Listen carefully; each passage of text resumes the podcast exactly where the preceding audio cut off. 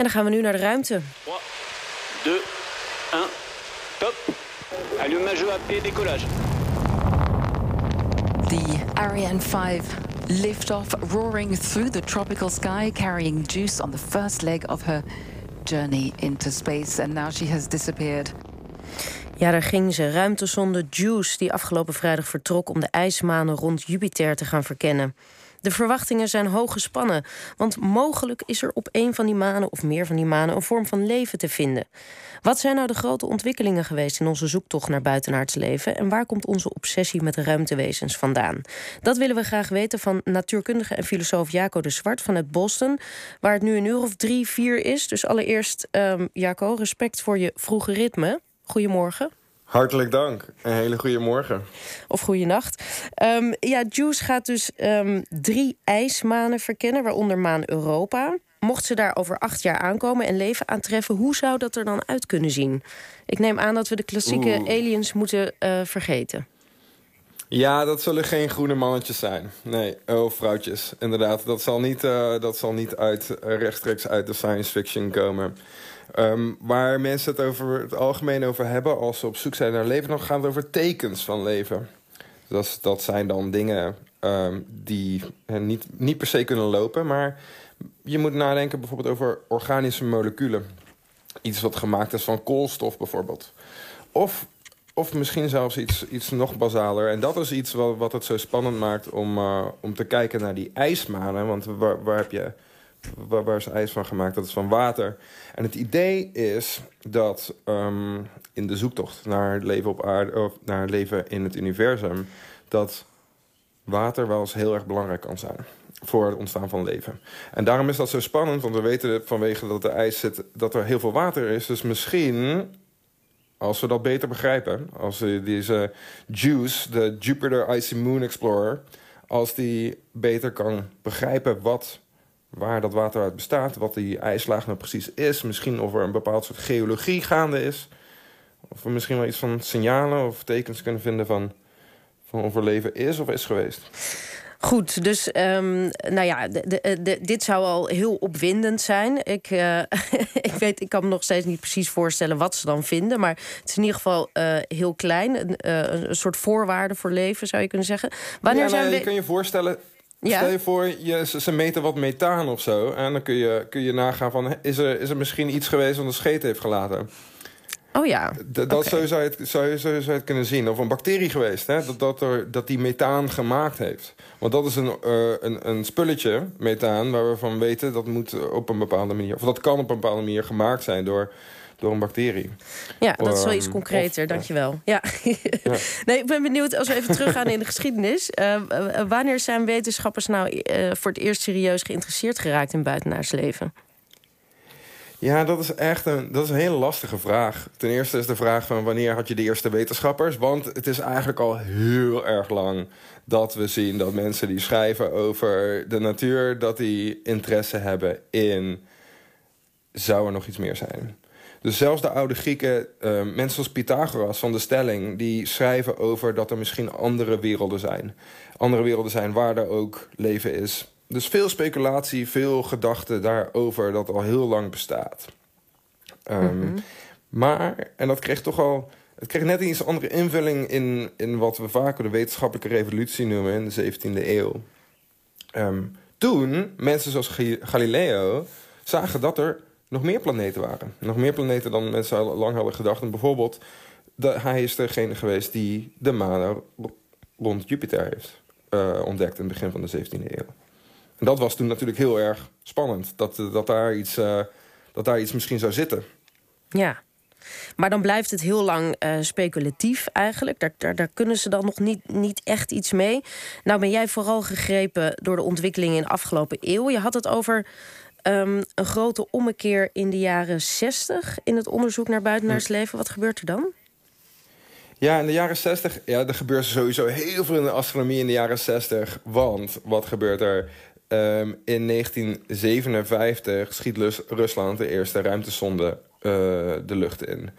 En dat ontketent wat we nu kennen als de Space Race. Dus in de Koude Oorlog, Amerika en uh, uh, Sovjet-Rusland die heel erg nou ja, een competitie gaan drijven voor, voor de ruimte.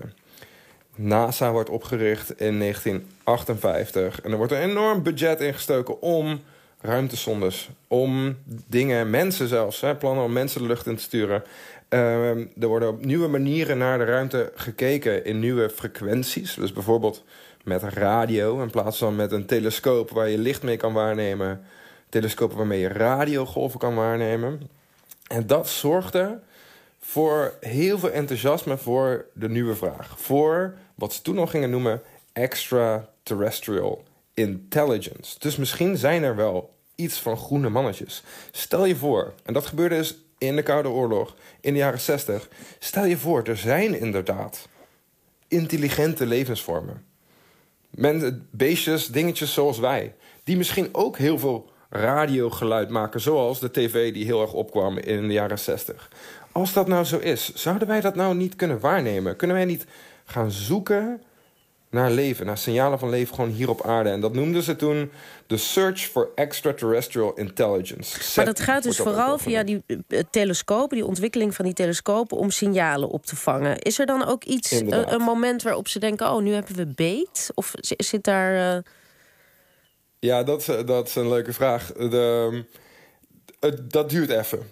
Ehm, eh, het duurt even voordat ze genoeg geld krijgen überhaupt voor dit soort plannen. Om echt een telescoop ook te gaan bouwen. Om telescopen te gaan gebruiken van...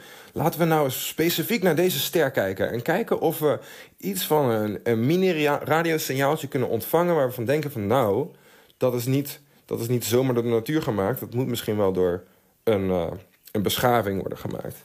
En het is pas eigenlijk hè, in de jaren zeventig dat dat echt goed ontketent dat die, die search, die zoektocht naar, uh, naar dat soort dingen. En toen is er inderdaad door, uh, door wetenschappers in Ohio... die hadden, een hele, die hadden de Big Ear gebouwd... wat ze noemden een radiotelescoop. Ehm, en daarmee hebben ze iets opgevangen. Dat noemden ze de wow-signal, het wow-signaal... in 77. En... Um, dat leek toch wel iets onverklaarbaars te zijn. Dat was een groot nieuws toen in 1977. En? Ja, helaas hebben we nog steeds geen contact gehad. Nog geen telefoontje gekregen. Nee, het was heel moeilijk om... Uh, wat, je, wat je wilt als wetenschapper is dat zoiets herhaalt.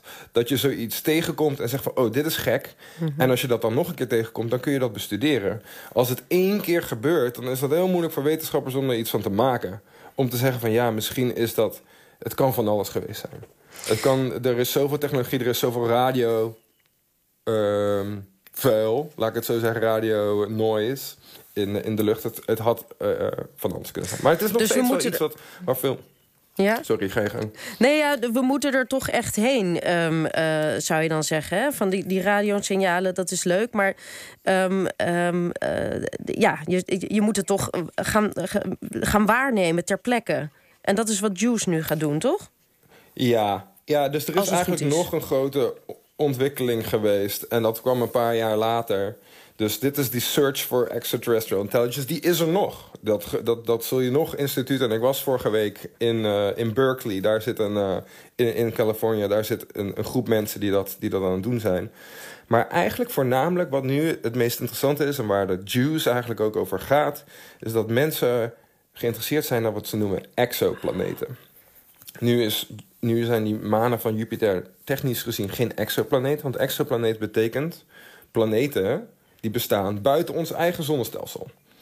En dat is iets waar we achter kwamen, dat bestond in de jaren 90. Daar is inmiddels de Nobelprijs voor uitgegeven in, eh, in, 19, oh, in, in 2019. Dat er dus planeten bestaan die, net als de aarde, om een ster heen draaien. En dat we nu inmiddels denken te weten dat misschien wel één in de vijf sterren... van alle sterren die bestaan, dat die wel planeten uh, van de grootte van de aarde om zich heen hebben draaien. Mhm. En dat we misschien die planeten wel kunnen bestuderen. Dat we dus telescopen kunnen gebruiken om andere planeten te bestuderen. En hoeveel er zijn en, en waar ze misschien zitten... Uh, en dat is ontzettend belangrijk geweest. En inmiddels weten we van het bestaan van meer van 5000 van deze exoplaneten. En dat is echt een heel groot onderzoeksgebied waar mensen in NASA bijvoorbeeld en hier op MIT ook heel veel mensen mee bezig zijn. En dat is heel erg spannend. Die zoektocht naar exoplaneten. Goed, nou, dit, daar moet je maar een keer apart nog te gast over zijn... om het precies uit te leggen hoe dat, uh, waarom dat zo interessant is. Um, over acht jaar terug naar Juice weten we meer over de ijsmanen van Jupiter... en het mogelijke leven daar. Um, hartelijk dank, uh, Jaco de Zwart vanuit Boston. En, en slaap lekker zo, neem ik aan. Ja, hartelijk dank. en kijk uit voor de goede.